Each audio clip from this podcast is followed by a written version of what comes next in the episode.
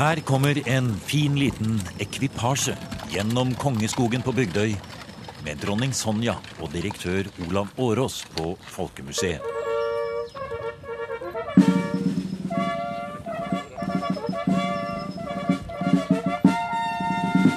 Vognen stopper ved Paradisbukta på Huk, for her skal det avdukes et historisk minnesmerke. Deres Majestet, statsråd, ærede gjester.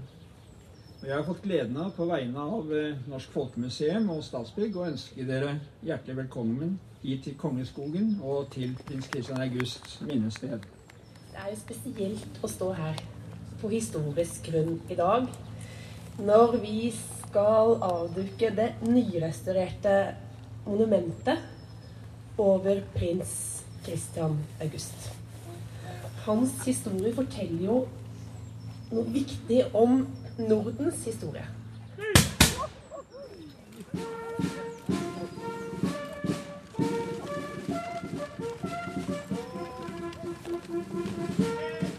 Mens tre soldater i tidsriktig 1808-uniform skyter salutt, garden står æresvakt, og kulturminister og historiker Anniken Huitfeldt holder tale, blir den nyrestaurerte minnestøtten over Christian August behørig avduket.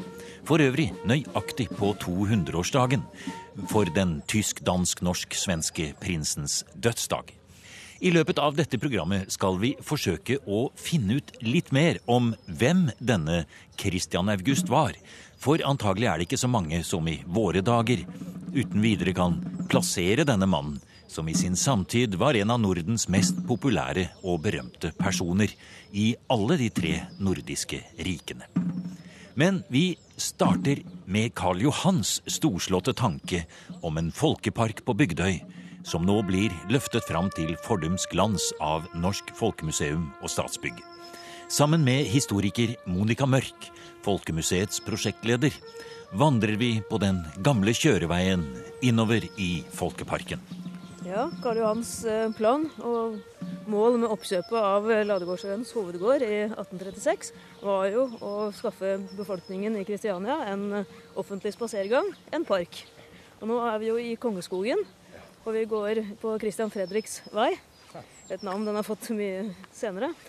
Karl Johan var jo en europeer og kjente jo mange europeiske storbyer. Og hørte, parker hørte jo med allerede i den tiden. Og inne i disse parkene så var det vel også Karl Johans plan at eh, de som da gikk der og promenerte og tok turen og ut i naturen, de skulle også på en måte oppleve noe ja, kulturelt eller lærerikt samtidig? Ja, absolutt. Eh, det er jo folkeparkideen med at publikum også skulle eh, oppleve severdigheter. Og ikke minst eh, ja, rekreasjon, og man kunne ha utsiktspunkter, serveringssteder og osv. Og, så og mm, ikke minst monumenter over eh, ja, aktverdige borgere, da, som kunne heve tankene til de besøkende litt opp på et litt høyere nivå. da. Litt impulser. Det, det er vel på en måte et sånt monument vi er på vei mot nå, selv om jo det sto her før Karl Johan kom inn i bildet. Ja, absolutt. Det, dette er jo et monument over Christian August. Og det ble satt opp et lite monument allerede i 1810 av Fredrika Hessen. Samme år som Christian August eh, døde. Dette monumentet ble også da erstattet med et nytt av Christian Fredrik i sommeren 1814, da han var konge.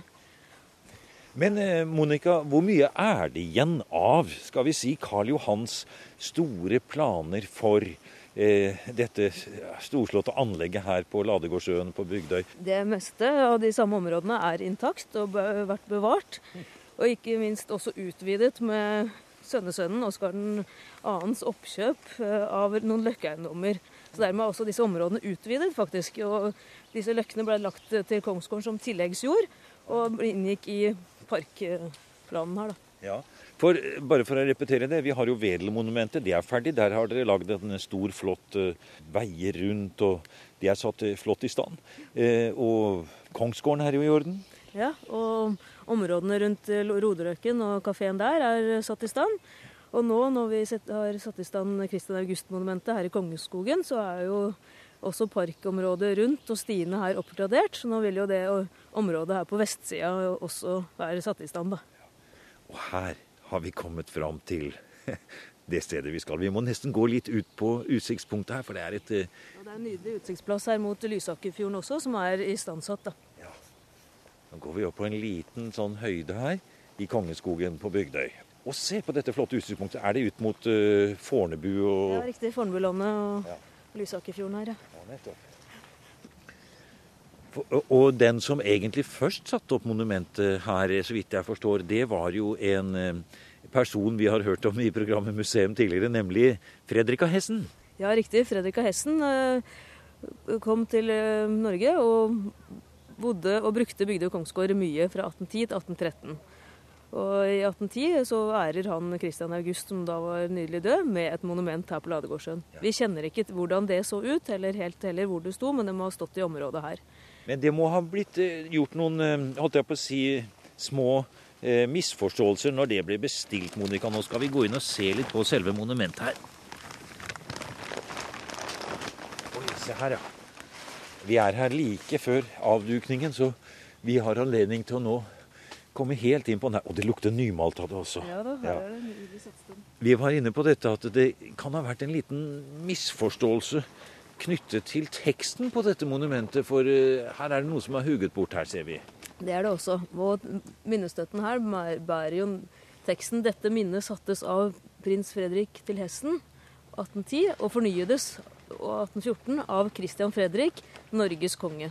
Og Norges konge i tittelen til Christian Fredrik, som du ser, er forsøkt fjernet eller meislet vekk, ja. faktisk. Og grunnen til at de har fjernet tittelen igjen, er jo at man har satt opp eh, monumentet, ble, var ferdig og kom fra Nes jernverk i november 1814.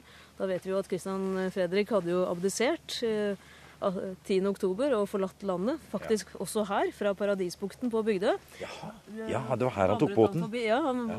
abdiserer jo på Bygdø kongsgård. Ja, og vandrer da sammen med sine venner nærmest da, gjennom Kongeskogen og ned til Paradisbukta, hvor en da ventende båt ror han videre til Danmark. Ah, så det, det er her, ja.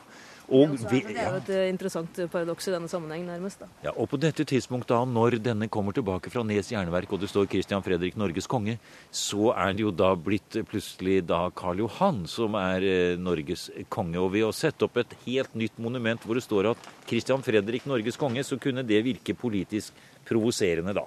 Ja, og ikke minst uriktig, da, rett og slett. For han var jo ikke kong lenger. Nei, nei, men han hadde jo vært det. Ja, hadde vært det, så ja. det kunne fint eh, la det stå. Ja. Det er også forfattere som har påpekt det og, og kalt dette hærverk.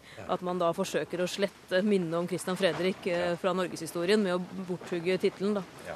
Men eh, nå ser vi at det står svakt igjen i jernplaten der, så, vi, så det, det, er på en måte beholdt da, slik at det er lett å lese det. Mm. Man kan også se at det er forsøkt hugget bort. Så det er jo en historie i seg selv som følger monumentet. Ja, og så har man jo fra I 1901 så ble det oppmalt, gullforgylt, eh, eller forgylt av den teksten. Og det er det også gjort på restaureringer på 1900-tallet, så er den tittelen blitt uh, malt opp, da.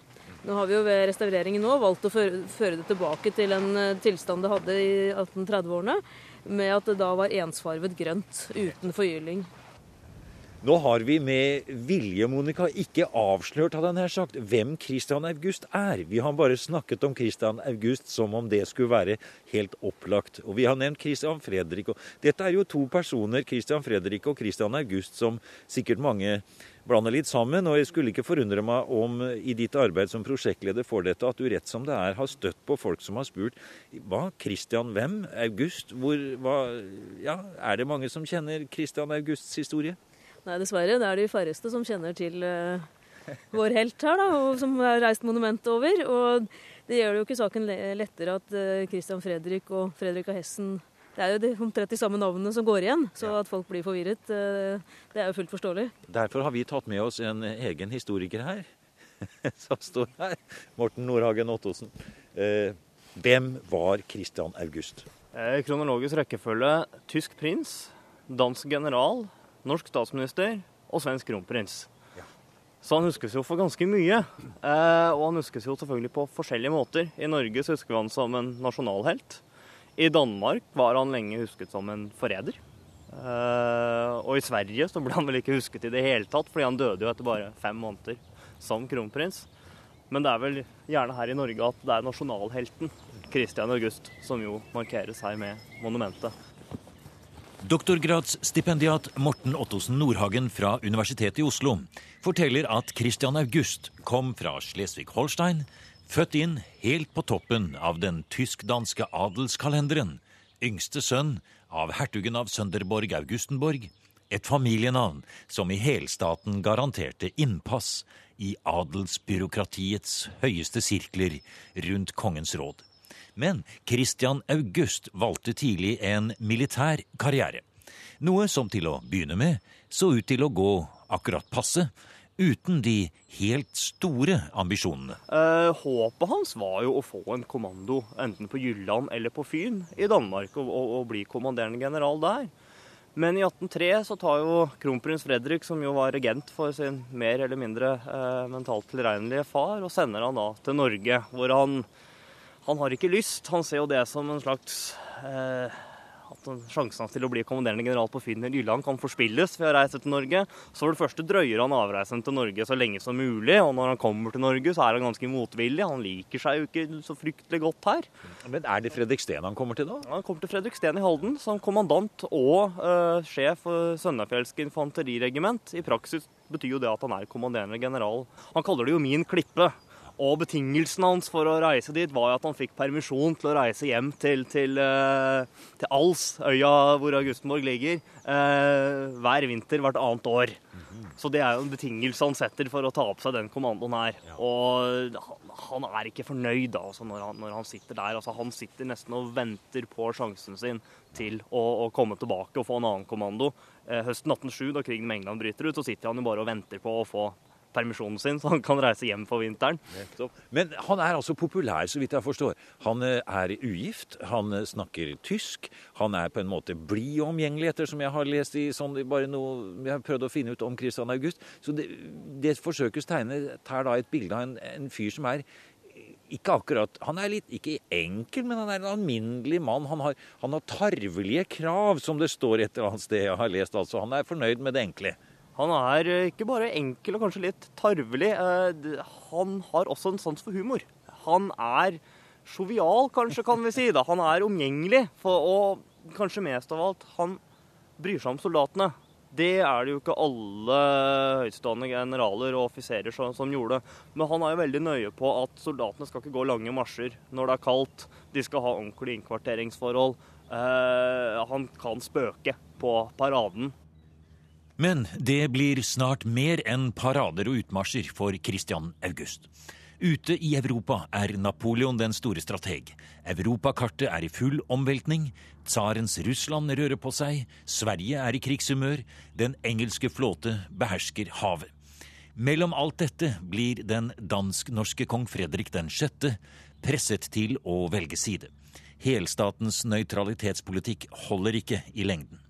Christian August er allerede generalmajor for det sønnenfjelske og kommandant på Fredriksten, men da København kapitulerer for engelskmennene i 1807 og krigen med England er et faktum, går han helt til topps i Norge, sier Morten Nordhagen Ottosen. Han går rett til topps, men ikke fordi han vil.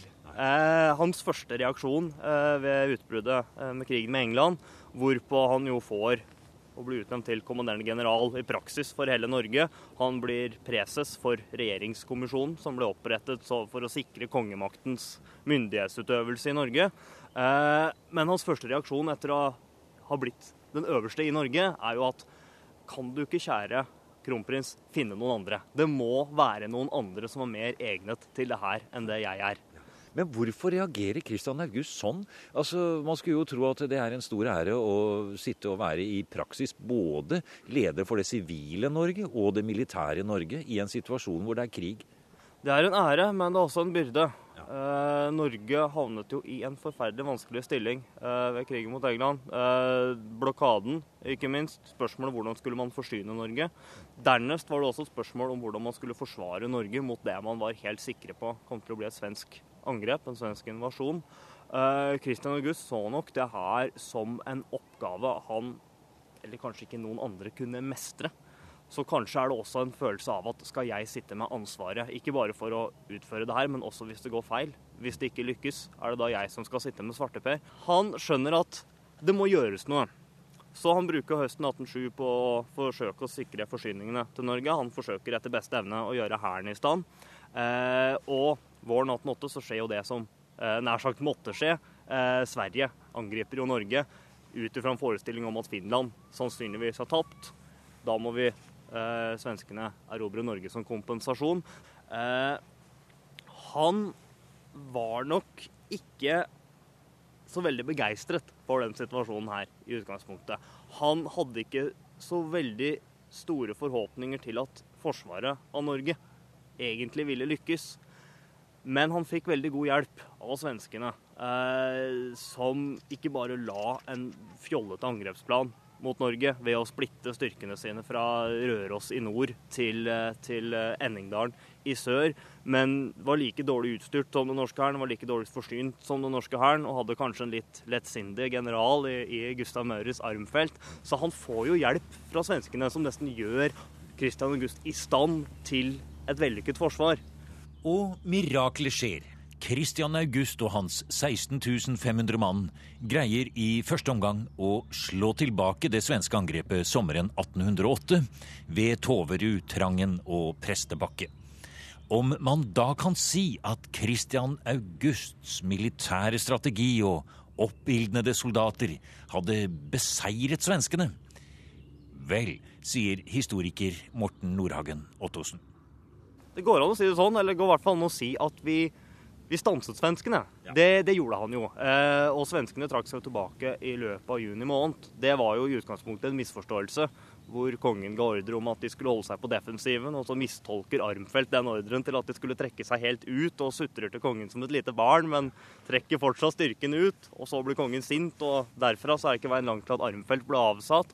Men det er riktig som du sier, han bidro til at invasjonen ble stoppet i utgangspunktet. Og han blir jo ikke bare en norsk nasjonalhelt fordi han gjør det. Han ble også en nasjonalhelt i Norge fordi han er en, et samlingspunkt. Vi skal huske på at det er 20 år siden eh, kronprins Fredrik hadde vært på gjennomreise i Norge. Norge var i en krisetid. Vi var ikke bare i krig med både England og Sverige. Eh, Norge var blokkert. Eh, det begynte å mangle mat, det manglet medisiner, det manglet militært utstyr. I den kritiske situasjonen her så får man da en skikkelse som ikke bare er en politisk leder, men også en militærleder, som man jo kan samle seg rundt. Og som har suksess. Og som har suksess, og som har godt likt. Ja. Som passer inn med den norske eh, selvforståelsen. Det litt tarvelige, ja. enkle, uluksuriøse norske. Han er en eh, egentlig kongekandidat etter norsk eh, smak, og spesielt eh, deler av det norske aristokratiet, grev Egil Jarlsberg og andre, de syns at dette er en eh, knakende flott kar ikke bare de, det er også svenskene som begynner å kikke på Christian August og synes at det her kunne jo vært interessant å, å, å, å fått for, for, oss selv også. Ikke bare pga. hans personlige egenskaper, men også pga. populariteten hans. Det er jo et interessant parallelt spill her, eh, hvor vi ser på den ene siden de svenske tankene, eh, som jo primært er i forhold til Christian August at det vi ikke klarte med våpenmakt, altså erobre Norge, kanskje vi kan klare det med politisk kløkt, altså ved å velge han som vår tronfølger. Uh, selvfølgelig har det også en tanke om Kristian August i Sverige som en samlende skikkelse. Vi skal huske at svenskene hadde nettopp hatt en revolusjon. De var splittet politisk sett mellom ulike partier. Gustavianerne, Adlersparre, revolusjonsmakeren sitt parti. Tanken er jo også at hvis han kan opptre like samlende i Sverige som han har gjort i Norge, og i tillegg ta med seg Norge inn i en union med Sverige, så er jo det en vinn-vinn. Vinn-vinn-vinn-situasjon for Sverige, kanskje. Eh, på norsk side, eller rettere sagt Christian Augusts egen side, så ser han jo allerede fra det øyeblikket eh, Gustav 4. Adolf styrtes i mars 1809, at her har han sjanse til å bidra til en skandinavisk union. Skandinavismen, tanken om at Norge, Sverige og Danmark skulle gå sammen i en føderasjon, som grev Edel Jarlsberg mente, eller kanskje under en felles konge i et noe mer moderne og liberalt opplyst kongedømme, var politiske tanker som sto høyt i kurs på begynnelsen av 1800-tallet. Christian August mente for sin del at en slik skandinavisme måtte ha den danske kong Fredrik 6. som overhode, men det var umulig for svenskene å godta. Kompromisset ble altså at den norske statsminister og øverstkommanderende takket ja til det svenske tilbudet om å bli deres nye kronprins i 1810, med danskekongens godkjennelse. Men det varte ikke lenge, sier Morten Nordhagen Ottosen. Bare fire måneder senere lå Christian August død på marken. Da får han hjerneslag. Det er 28. mai 1810 ved Kvidingehed i Skåne. Han inspiserer da bror Sederstrøms kavaleritropper. Eh, og har nettopp fullført en eh, marsj, hadde jeg nær sagt, på hest langs med dem og paraderer. Hvorpå plutselig hesten skyter fart, hatten hans faller av, han faller bakover, mister tøylene og faller av hesten etter et par hundre meter og blir da liggende. Og da styrter man jo bort til han. Han ligger da og ruller med øynene, fråder.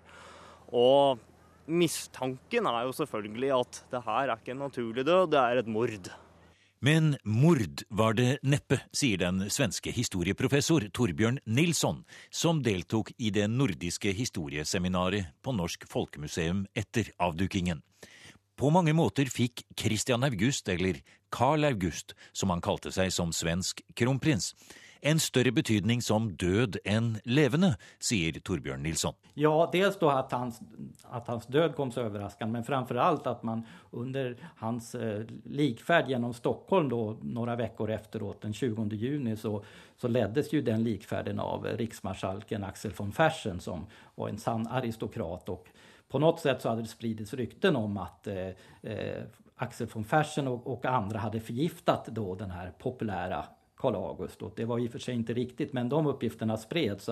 Det ledde till i alla fall att eh, von Fersen han, eh, han misshandlades till döds av en folkmassa och eh, medan militären var, var ganska passivt. Alltså det är det som i svensk historia kallas Fersenska mordet. Som ett resultat av att man piskade upp olika stämningar för att, så att säga, skärpa kampen mot det som man kallar gustavianerna, de som ville at Gustav IV Adolfs son skulle bli, skulle bli tronföljare istället. Så det var, man kan säga att hans död, Karl Augusts död, satte igång en, och ökade en mängd olika motsättningar som fanns och i ett politiskt eh, kaos som var så var det väldigt mycket som hände och annat hade kunnat hända också.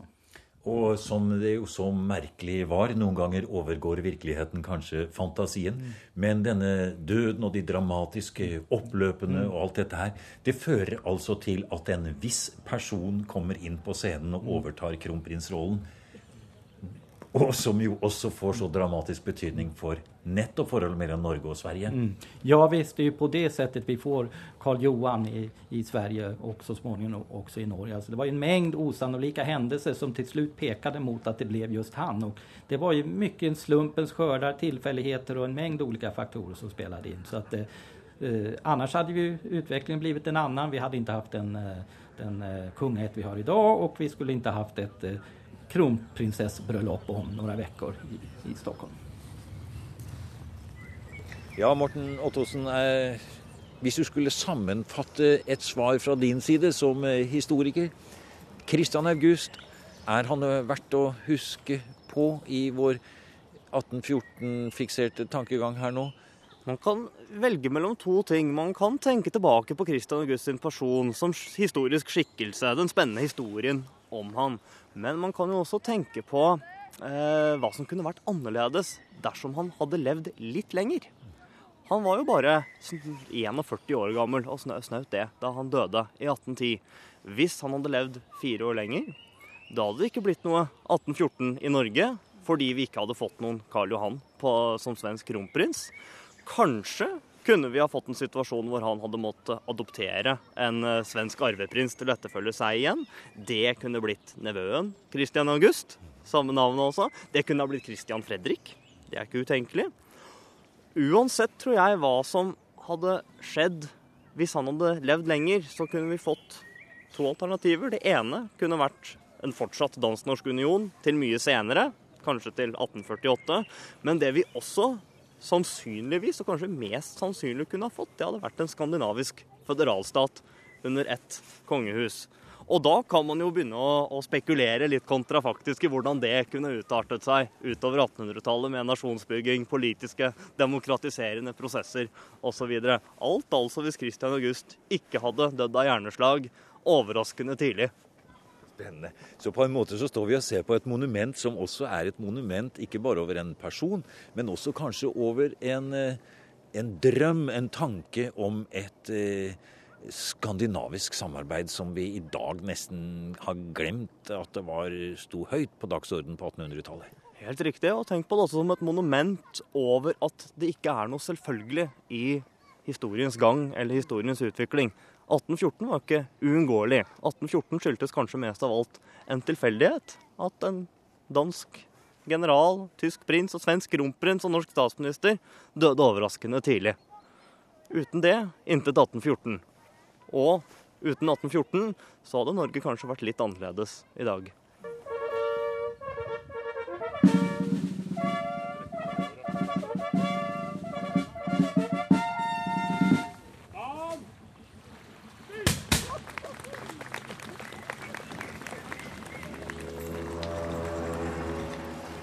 Du har nå hørt programmet Museum som podkast fra NRK. Museum sendes i NRK P2 på lørdager og søndager. Du finner flere programmer på nrk.no podkast.